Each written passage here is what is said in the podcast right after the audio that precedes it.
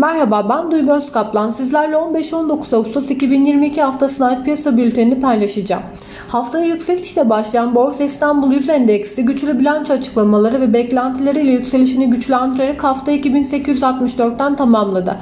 Global risk alma iştahında toparlanma yaşansa da major borsaların düşüş trendini orta vadede devam ettireceğini ve şu anki yükselişlerin tepki olduğunu düşünüyoruz.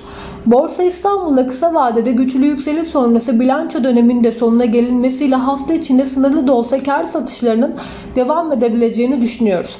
Ancak yurt dışı borsalarda büyük bir bozulma yaşanmadıkça ve yurt içi piyasalara yönelik negatif bir haber akışı gelmedikçe Borsa İstanbul'da güçlü yükseliş sonrası kar satışları yaşansa da alım fırsatı olarak değerlendirilerek yükseliş trendinin devam etmesi beklenmektedir.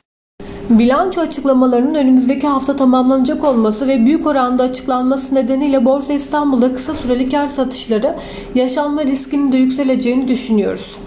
Kredi Derecelendirme Kuruluşu Moody's Türkiye'nin kredi notunu B2'den B3'e düşürerek yatırım yapılabilir seviyesinin alt kademe altına indirerek negatif olan görünümü durağına çekti. Moody's Türkiye'nin ödemeler dengesi üzerinde artan baskıları ve döviz rezervlerinin daha da düşme riskini kredi notun düşürülmesine neden olarak gösterdi. Türkiye seviyesleri 900 seviyelerini test ettikten sonra son 2 haftada güçlü bir gerileme gerçekleştirerek 650 seviyelere kadar geriledi. Geçen hafta DTH'larda 4.16 milyar dolarlık güçlü bir artış yaşanırken bu artış tüzel kişilerde gelen 4.27 milyar dolarlık artıştan kaynaklanıyor. Bireysellerde ise DTH'larında 110 milyon dolar azalttı. Bu hafta yurt dışındaki piyasaların ana gündemi açıklanacak FED tutanakları ve ABD'den gelecek ekonomik veriler olurken yurt içinde Merkez Bankası'nın faiz kararı piyasaların ana gündemi olacak. Merkez Bankası'nın faizleri %14 seviyesinde sabit bırakması bekleniyor. Model portföyümüzde Akbank, Yapı Kredi Bankası, TAF Havalimanı, Coca-Cola, Ford Toto, BİMAŞ, Ereğli bulunmaktadır.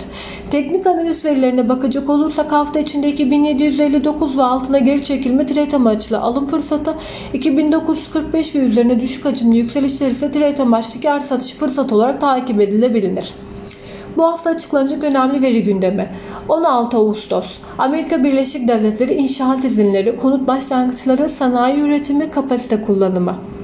17 Ağustos Amerika Birleşik Devletleri parakende satışlar, çekirdek parakende satışlar, FED toplantı tutanakları açıklanacak. 18 Ağustos Türkiye Merkez Bankası faiz kararı. 18 Ağustos Amerika Birleşik Devletleri haftalık işsizlik maaşı başvuruları, ikinci el konut satışları. İyi haftalar diliyorum.